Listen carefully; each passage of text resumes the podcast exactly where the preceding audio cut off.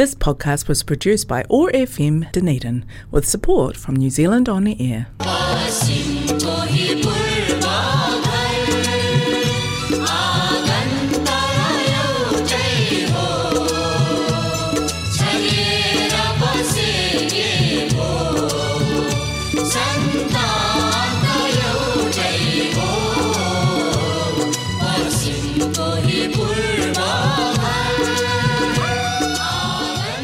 नमस्ते। हरेक मङ्गलबार साँझको छ तिस बजे प्रसारण हुने ओट्यागो एक्सेस रेडियोबाट सञ्चालित कार्यक्रम हाम्रो आवाजमा म टिका कौशिकको सम्पूर्ण श्रोताहरूमा हार्दिक अभिवादन। आज मङ्गलबार इस्वी सन् दुई हजार एक्काइस जुलाई छ तारिक तदनुसार विक्रम सम्मत दुई हजार अठहत्तर असार बाइस गते। डनेडी नेपाली समाजद्वारा प्रस्तुत कार्यक्रम लिएर म टिका कौशिक आज उपस्थित भइसकेको छु। यस कार्यक्रमलाई प्रायोजन गरेको छ कनेक्टिङ कल्चर एथनिक कम्युनिटिजले कार्यक्रम हाम्रो आवाज ओट्यागो एक्सेस रेडियो एक सय पाँच दशमलव चार मेगाहजमा हरेक मङ्गलबार न्युजिल्यान्डको समयअनुसार साँझ छ तिस बजेदेखि सात बजेसम्म सुन्न सक्नुहुनेछ भने पोडकास्ट तथा आइट्युन्सबाट तपाईँले चाहेको बेलामा सुन्न सक्नुहुनेछ। कार्यक्रम हाम्रो आवाजमा तपाईँले कहिले सुन्नुहुनेछ? साङ्गीतिक कार्यक्रम भने कहिले सुन्नुहुनेछ? छलफल। कार्यक्रम हाम्रो आवाजमा तपाईँले आज सुन्नुहुनेछ। एक छलफल र आजका मेरा अतिथि हुनुहुन्छ कवि एवं गीतकार नमिता दवाडी कवि नमिता दवाडीज्यूद्वारा लेखिएको पहिलो कविता सङ्ग्रह हो जीवन नदीको किनारै किनार। उहाँका कवितामा आक्रोश क्रान्ति विद्रोहका बिम्बहरू प्रशस्त भेटिन्छन्। कवि दवाडी आफ्ना बुवाको स्पष्ट र मिठो आवाजमा भाका हालेर वाचन गरेका कविता श्लोकहरू आमाले मिठो आवाजमा गरेको गीती कविताहरूले कवि दवाडीलाई कविता लेख्न प्रेरित गरेको बुझिएको छ। कवि दवाडीको कविता सङ्ग्रहमा स्वास्नी कविताबाट सुरु भएर जीवन नदीको किनार हुँदै प्रेम दिवससम्म आइपुग्दा छयत्तरवटा कविता समेटिएका छन्। स्मरण रहोस् कवि दबाडी कवि मात्र नभएर गीतकार पनि हुनुहुन्छ। कविता प्रकाशनका लागि यहाँलाई बधाई भन्दै कार्यक्रम हाम्रो आवाजमा यहाँलाई स्वागत छ। नमस्कार अभिवादन समस्त श्रोताविदहरूलाई। न्युजिल्यान्डमा रहनुभएका नेपाली नेपाली भाषी र संसारभरबाट हामीलाई सुनिरहनुभएका हजुरहरू समस्तमा हार्दिक नमन अभिवादन टक्राउँछु जीवन नदीको किनारै किनार हुँदै आजसम्म कहाँ आइपुगेको छ? जीवन नदीको किनारै किनार एउटा अपरिचित भूमिमा आइपुगेर उभिएको छ ठिङ्ग। र यो अपरिचित भूमिमा आफूसँगै सहारा बनेका पहारा बनेका मेरा भेत्ताहरूलाई सधैँ सधैँ अनुनय गरिरहन्छु म।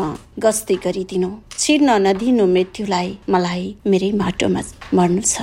भौतिक रूपमा जीवन नदीको किनार हुँदै दक्षिणी प्रशान्त महासागरमा आइपुगेको छ तर मानसिक रूपमा त नारायणी गण्डकीमै अल्झिरहेको छ। किन?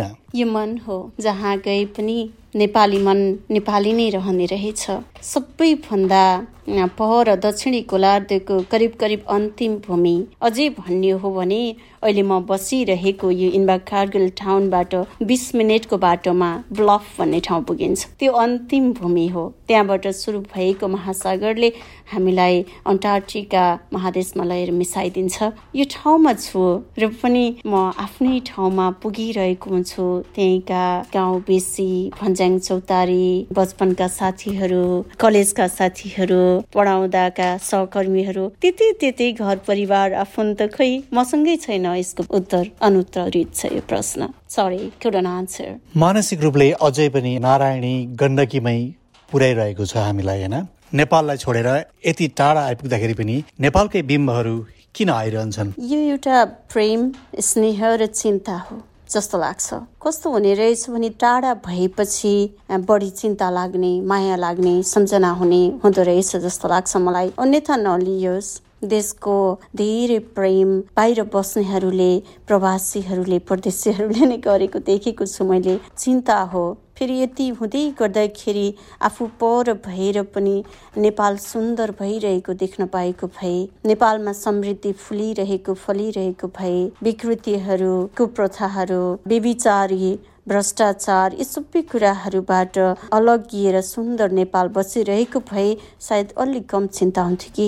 यिनै कुराहरूले हो जतिखेर पनि तानेर नेपालसम्म पुर्याउने त्यस्तो लाग्छ मलाई। अब अलिकति पछाडि फर्कौँ यहाँलाई कविता लेखनमा बुवाको मिठो स्वरद्वारा वाचन गरेको नटिप्नु हेर कोपिला नचुड्नु पाप लाग्दछ र आमाले वाचन गर्ने गीती कविता जान्छन् आज शकुन्तला घर बनी जस्ता कविताले यहाँलाई कस्तो प्रभाव पारेको थियो? एकदमै त्यो बाल हृदयमा नटिप्नु हेर कोपिला नचुन्नु पाप लाग्दछ नच्यात्नु फुल नानी हो दया र धर्म भक्दछ त्यो कक्षा छमा पढ्दाखेरि मेरो बुवा नेपाली शिक्षक पनि हुनुहुन्थ्यो शारदा म्याम हुनुहुन्थ्यो यतिखेर सम्झिन मन लाग्यो। उहाँले पनि यस्ता कविता सुनाउनुहुन्थ्यो। उहाँहरूले अल्टरनेटिभली पढाउनुहुन्थ्यो। अनि घरमा पनि एकदमै हृदय खुलेर यस्ता कविताहरू भाका हालेर गाउने बुवा आमाले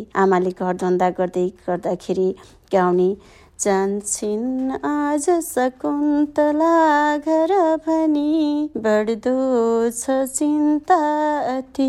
प्रीतिका लहरा झाँगिँदा मनमा अरिन्ना सुरती अनि यो चाहिँ त्यो कथा मैले यति सम्झिएँ तर यो कथामा चाहिँ पुरै छोरीलाई घर पठाउन लाग्दाको चिन्ता चाहिँ आमाको आवाजबाट सुन्दाखेरि एउटा चाहिँ एकदमै त्यो बाल हृदय अर्को आफू पनि छोरी भएको कारणले होला त्यो एकदमै हृदयमा तरङ्गित भइरहने यो कविता मलाई। अनि मैले पनि मेरो छोरीको लागि एउटा कविता छन्द कविता शार्दुल बिग्रिने छन्दमा कोसिस गरेँ। एकदमै प्रभावित भएर यस्तै यस्तै भाव पुगेको कविता। अनि कविता सङ्ग्रहमा चाहिँ नि छन्दमा लेख्ने त्यति ढङ्ग न छैन मेरो। त्यसैले गद्य कविता लेखेँ।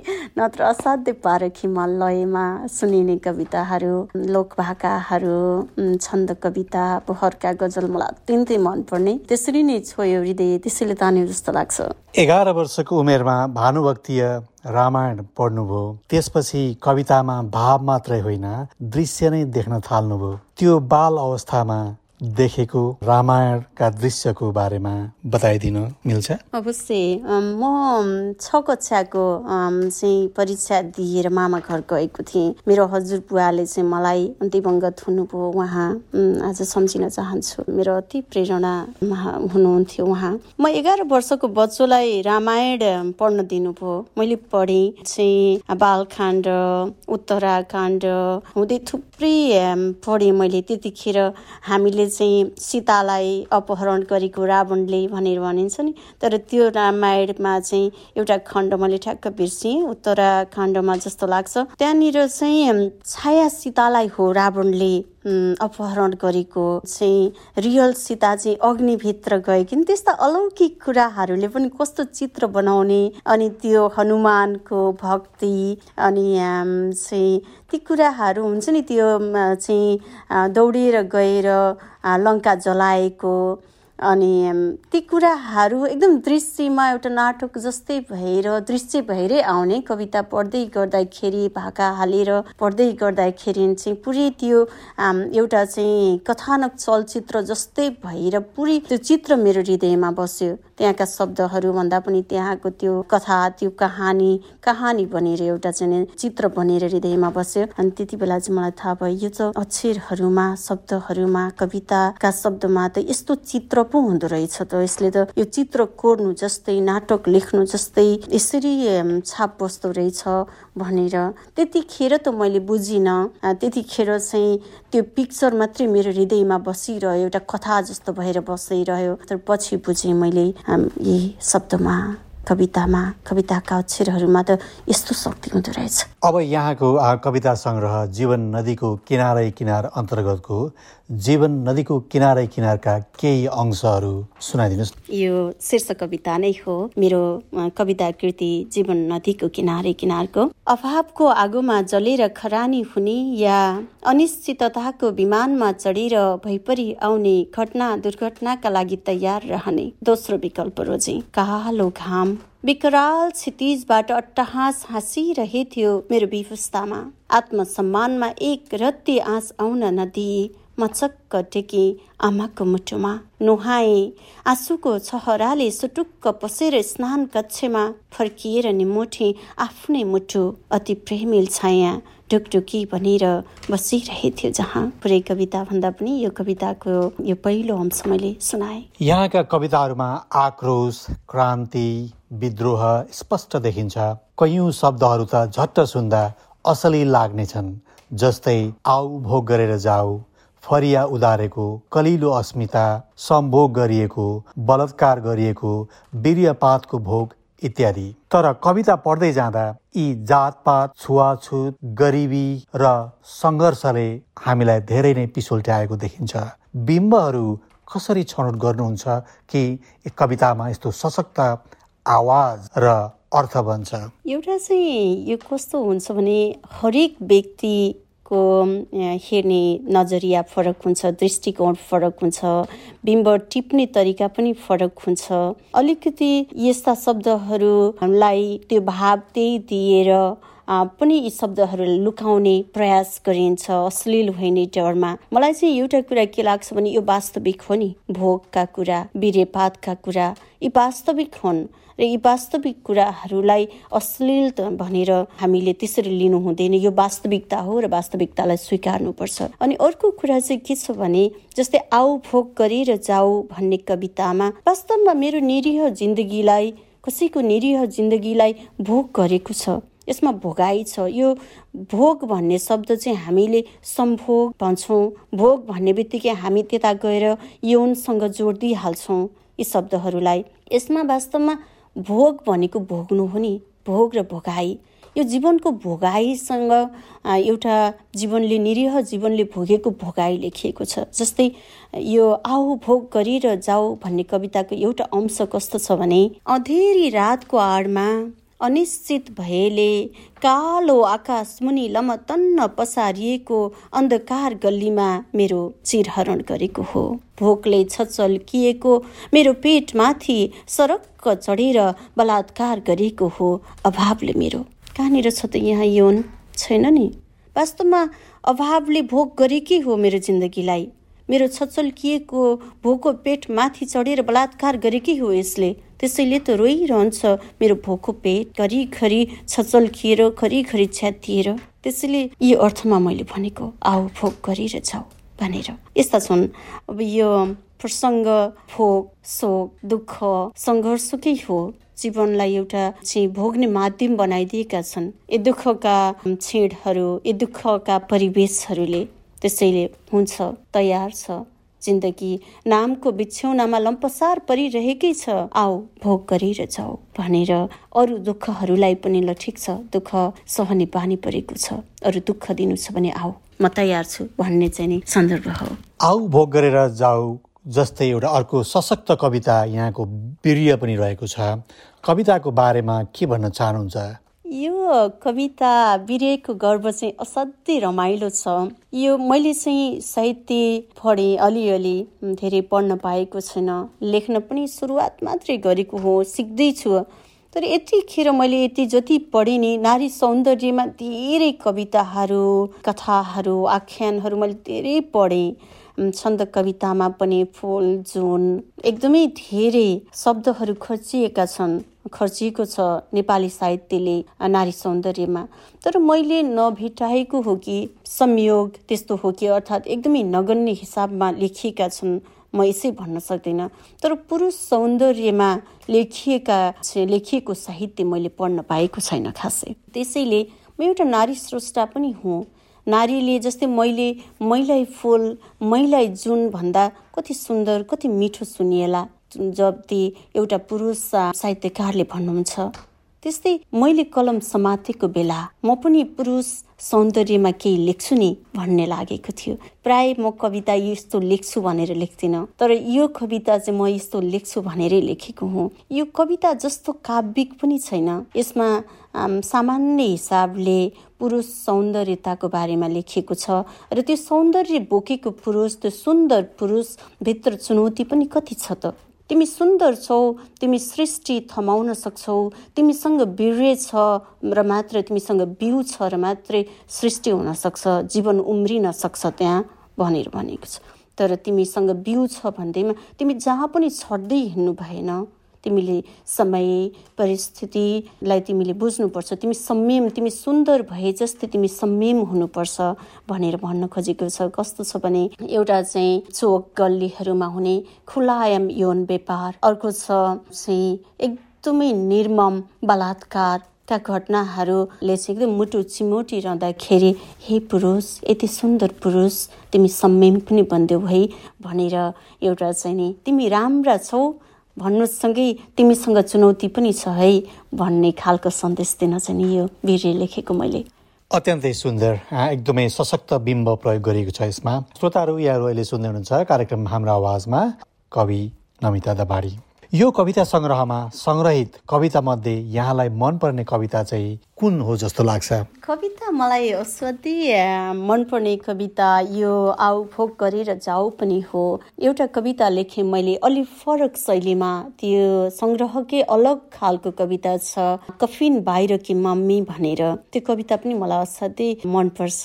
केही आफैले लेखेका कविताहरूमा पनि पुरै पक्षपात हुँदो रहेछ हृदय असाध्यै मनपर्ने कविताहरूमा मेरो कफिन बाहिर कि मम्मी पनि पर्छ। पक्षपात भन्ने कविता चाहिँ ध्वास भन्ने कविता। ती कविताहरू स्वास्नी लेखेको छु एउटा सम्झिने हो भने सबै कविता एकदम प्रिय लाग्छन्। तर यतिखेर अझै बढी सम्झिन मन लागेको चाहिँ मलाई कफिन बाहिर कि मम्मी किनभने यो अलिक विशेष छ। त्यसपछि मैले यस्ता कविता लेख्दै लेखिनँ भनौँ वा लेख्नै सकिनँ। केही अंश वाचन गर्नुहुन्छ? कविता यसरी सुरु हुन्छ। कवितामा केही अङ्ग्रेजी शब्दहरू पनि प्रयोग भएका छन्। शीर्षक आफैमा कफिन बाहिर कि मम्मी शीर्षक आफैमा पनि अङ्ग्रेजी शब्द मिसिएको छ। यही एउटा कविता मात्र यस्तो छ मेरो सङ्ग्रहमा त्यसैले पनि मलाई सुनाउन मन लाग्यो। ऊ कफिन भित्र कि मम्मी? म कफिन बाहिर कि मम्मी? फरक यति छ उसमा प्राण छैन। दया गरेर हावा मेरो नाकको आँखी झ्याल र मुखको साँगुरो ढोकाबाट अविराम भित्र बाहिर गर्दै दिएको छ उपमा जिउँदो हुनुको। खरानी बनेर उडान भर्न नसकेकी कमेरो दलेको मानेलाई सिरक बनाएर चिर निन्द्रामा निदाउन नभ्याएकी भाग्यले दिए अनुसार। रातो या सेतो गुराँसको थुङ्गो शिरमा सिउरिएर गुराँसे वनहरूमा दाउरा घाँस गरिरहेकी म कफिन बाहिरकी मम्मी। तिमीले चाहे जस्तै कोको कोलाको फिगरमा ठिङ्ग उभिएकी म कफिन बाहिरकी मम्मी। आफ्नै संरचनामा अचम्मित छु म। आन्तरिक अङ्गमुटु गायब छ। मस्तिष्क र धड्कनमा कुनै तादात्म्यता छैन। मम्मी हुँ अपितु कफिन बाहिर नै छु। विशेष लेप लगाइएको छ तन मनभरि जुन विशेष तवरले बनाइएको छ। अति विशेष रसायन इज्जत संस्कार पतित्व सतित्व दासत्व आदि इत्यादिका संयोजनबाट। अझै खुसीको कुरा के छ भने यसको कुनै एन्टिडोट बनेको छैन। यो मम्मी कालान्तर कालान्तरसम्म पनि सड्ने छैन। कि रिमोटबाट तिमी यो मम्मी अन गर्न सक्छौ अफ गर्न सक्छौ। मन नपर्ने क्रियाहरूमा म्युट पज स्टप अनि अति प्रिय क्षणलाई पटक पटक रिवाइन्ड गर्न सक्छौ। यो सबका लागि मलाई थाहा छ। तिमी धन्यवादका शब्दहरू खोजिरहेछौ त्यो परमात्माका लागि। शरीर शरीरको घम्सा घम्सी जोस चुर आतुर र थकित हुँदै यो सुलले सुल छेडा मम्मीबाट जन्माउनु छ अरू केही सुकोमल मम्मीहरू जो कालान्तर कालान्तरसम्म पनि जन्माइरहनेछन् जिउँदा मम्मीहरू र थन्क्याउनु पर्ने छैन। आदिम कालदेखिका जादुमय रिमोट नोटहरू अप्रिय सङ्ग्रहालयमा यहाँले ध्वास कवितामा पक्षपातीको कुरा गर्नुभएको छ। हली पनि पक्षपाती छ यहाँ। निर्दो गोरुलाई हलो जुवा र जोतारोमा बाँधेर कुट्छ। जङ्गिएर आएको साँडे देखे टाङमुनि मुन्टो घुसारेर कुलेलाम ठोक्छ। यहाँले धरती पक्षपाती छ भन्नुभएको छ। यो धरती पक्षपाती छ यहाँ। स्वर्ग बनिदिन्छ कसैका लागि अनि बन्छ कसैका लागि। घाँटीसम्म पुग्ने अत्यासको ठुलो खाल्डो त्यस्तै गरेर यहाँले आमा पनि पक्षपाती छिन् भनेर भन्नुभएको छ। किन यहाँलाई त्यस्तो पक्षपात लागेको? यो संसार नै यस्तै छ। यो नत्र भए चाहिँ यहाँनिर विभेद भन्ने शब्द नै नहुनु पर्ने यो विभेदताको चाहिँ खाल्डो छ नि यो यही पक्षपातको कारणले भएको छ। जस्तै हामीले जात जाति धर्म संस्कृति धनी गरिब यी सबैको बिचको त्यो खाल्डो पूर्ण सक्ने हो भनेदेखि यो धरती सबैका लागि उत्तिकै सुन्दर मनोरम स्वर्ग बनिन्छ। यो जीवन सबैको लागि बाँचिरहँ जस्तो सयौँ वर्ष हजारौँ वर्ष बाँच्न पाए हुन्थ्यो जस्तो चाहिँ जीवन बन्छ। मानिस मानिसका बिचमा एकदमै चाहिँ त्यो अपनत्वको चाहिँ आभास हुन्छ। त्यो छुट्टै खालको एउटा राम राज्य भनिन्छ नि हो त्यस्तै बन्छ जस्तो लाग्छ कि मलाई। यो कारण चाहिँ यो हो। पक्षपाती छ। देख्दाखेरि त्यो लाग्छ भने हरेक मान्छेको हेर्ने त्यो दृष्टि र ती घटनाक्रमहरूलाई टिप्ने आफ्नो तरिका हुन्छ। अनि म चाहिँ हेर्दै जान्छु यहाँनिर यो पक्षपात छ यहाँनिर यो विभेद छ। होइन के हो त भनेर सृष्टिलाई नै निहाल्दाखेरि संसार नै निहाल्दाखेरि इभन धरती धरती बस्ने ठाउँ भयो जन्मिएको ठाउँ भयो इभन जन्म दिने आमा पक्षपाती हुनुहुँदो रहेछ यहाँ आमा पनि पक्षपाती बन्न सक्दो रहेछ। अनि अहो एकदमै चाहिँ विक्षिप्त भएको बेला लेखेको हो मैले यो कविता। जीवन नदीको किनारै किनार विक्रमसम्म दुई हजार सतहत्तरमा प्रकाशित पुस्तकहरूमध्ये उत्कृष्ट दसमा परेको थियो तर पुरस्कृत हुन सकेन। तर उत्कृष्ट दसमा पढ्नु पनि त उपलब्धि नै हो नि होइन र? अवश्य अवश्य। म यहाँ प्रदेशमा बसेर कलम चलाइरहेको छु। एकदमै लेख्न थालेको मेरो लेखनको इतिहास पुरानो होइन। म एक एकदमै भर्खर मात्रै कलम समातेको जस्तो लाग्छ मलाई। किताब निस्कियो विमोचन भएको एक हप्ताभित्रमा दुई हजार सतहत्तर सालमा निस्किएका पुस्तकहरू मध्येमा पनि जसले चाहिँ आफू एउटा हस्ताक्षर बनेर नेपाली साहित्य जगतमा भित्रिनु भयो एउटा नव नवकृतिकारको रूपमा। त्यस्ता नवकृतिकारहरू मध्ये ती नवकृतिहरू मध्येबाट मेरो कृति उत्कृष्ट दशमा पर्यो। एकदमै खुसी छु। जो पनि उत्कृष्ट सर्वोत्कृष्ट हुनुभयो। मैले हेरेँ मैले ले चाहिँ उहाँका पुस्तकहरू केही पुस्तकहरू मैले पढ्न पाएँ केहीका समीक्षा पढेँ। उहाँहरू चाहिँ लामो समयदेखि धेरै जसो व्यक्तित्वहरू चाहिँ लामो समयदेखि साहित्य साधनामा लाग्नुभएका पत्रकारितामा लाग्नुभएका नेपाली भाषामा चाहिँ एकदमै विज्ञता हासिल गरिसक्नुभएका आदरणीय व्यक्तित्वहरू हुनुहुन्थ्यो। उहाँहरूको भेटमा मेरो पुस्तक पनि मिसियो। कमसे कम त्यो उत्कृष्ट दस छान्न पनि कति धेरै विज्ञहरूले मेरो पुस्तक पढ्नु पर्यो पढ्नु भयो उहाँहरूको हृदयसम्म पुग्यो त्यो मेरो लागि एकदमै गर्वको कुरा। म एकदमै सन्तुष्ट यो रिजल्ट देखेँ। श्रोताहरू हामी कार्यक्रमको उत्तरार्धमा छौँ। कवि नमिता दबाडी यहाँ कवि मात्र नभई गीतकार पनि हुनुहुन्छ। भर्खरै रिलिज भइसकेको छ। यसको बारेमा हाम्रा श्रोताहरूलाई केही भनिदिनुहोस्। यो चाहिँ असाध्यै रमाइलो संयोग छ। म मजदुर मायाको यो गजल गीत गजल हो यो गजल गीत। यो चाहिँ म मजदुर मायाको यो गजल गीत। अनि फोहोरतिरै मैले यो लेखेको थिएँ गत वर्ष।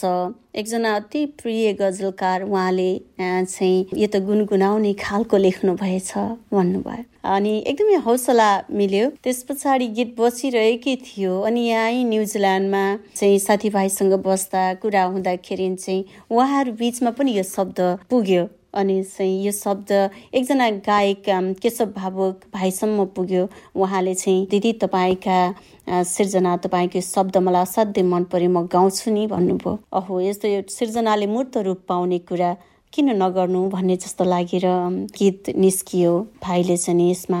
अत्यन्त सुन्दर गायकी दिनुभएको छ। यसलाई एरेन्ज गरिदिनु भएको छ उदयराज पौडेलजीले र छायाङ्कन र भिडियो सम्पादन गरिदिनु भएको छ मिराज अर्याल भाइले। शब्दहरूमा प्राण भर्ने काम चाहिँ आवाज सङ्गीतले गर्दो रहेछ। मेरो शब्दमा प्राण भरिएको छ। चाहिँ हजुरहरूलाई सुम्पिएको छु। म मजदुर मायाको नमिता दबाडी युट्युब च्यानलमा यो गीत हेर्न सुन्न पाइन्छ। कवि तथा गीतकार नमिता दवाडीको म मजदुर मायाको म कार्यक्रमको अन्त्यमा राख्ने नै छु। कार्यक्रमको समय सकिसकेको छ। आदरणीय श्रोताहरू तपाईँहरूले आफूले चाहेको बेलामा कार्यक्रम हाम्रो आवाज सुन्न सक्नुहुनेछ। यदि तपाईँ आइओएस चलाउनुहुन्छ भने सिधै आइट्युन्सबाट र एन्ड्रोइड चलाउनुहुन्छ भने तपाईँले पोडकास्ट एपबाट हाम्रो आवाज टाइप गरेर सर्च गर्नुभयो भने हाम्रो आवाज उट्याएको एक्सेस रेडियो स्वत देखिन्छ। त्यसमा क्लिक गरेर आफ्नो अनुकूल समयमा सुन्न सक्नुहुनेछ। पोडकास्ट एपबाट यहाँहरूले सब्सक्राइब पनि गर्न सक्नुहुनेछ। डनेरियन नेपाली सोसाइटीको फेसबुक पेजबाट पनि कार्यक्रम हाम्रो आवाज सुन्न सक्नुहुनेछ। जाँदा जाँदै कार्यक्रम हाम्रो आवाजका प्रायोजक कनेक्टिङ कल्चर र यो आवाज तरङ्गित गराउने ट्याको एक्सेस रेडियोलाई धेरै धेरै धन्यवाद। त्यस्तै गरी आजका मेरा अतिथि कवि तथा गीतकार नमिता दवाईलाई पनि धेरै धेरै धन्यवाद भन्दै आजको कार्यक्रम साहित्यमय र सङ्गीतमय बनाउने प्रयत्न गरेको छु। यहाँहरूको सल्लाह सुझावको अपेक्षा राख्दै आजलाई बिदा हुन चाहन्छु। नमस्ते शुभरात्रि।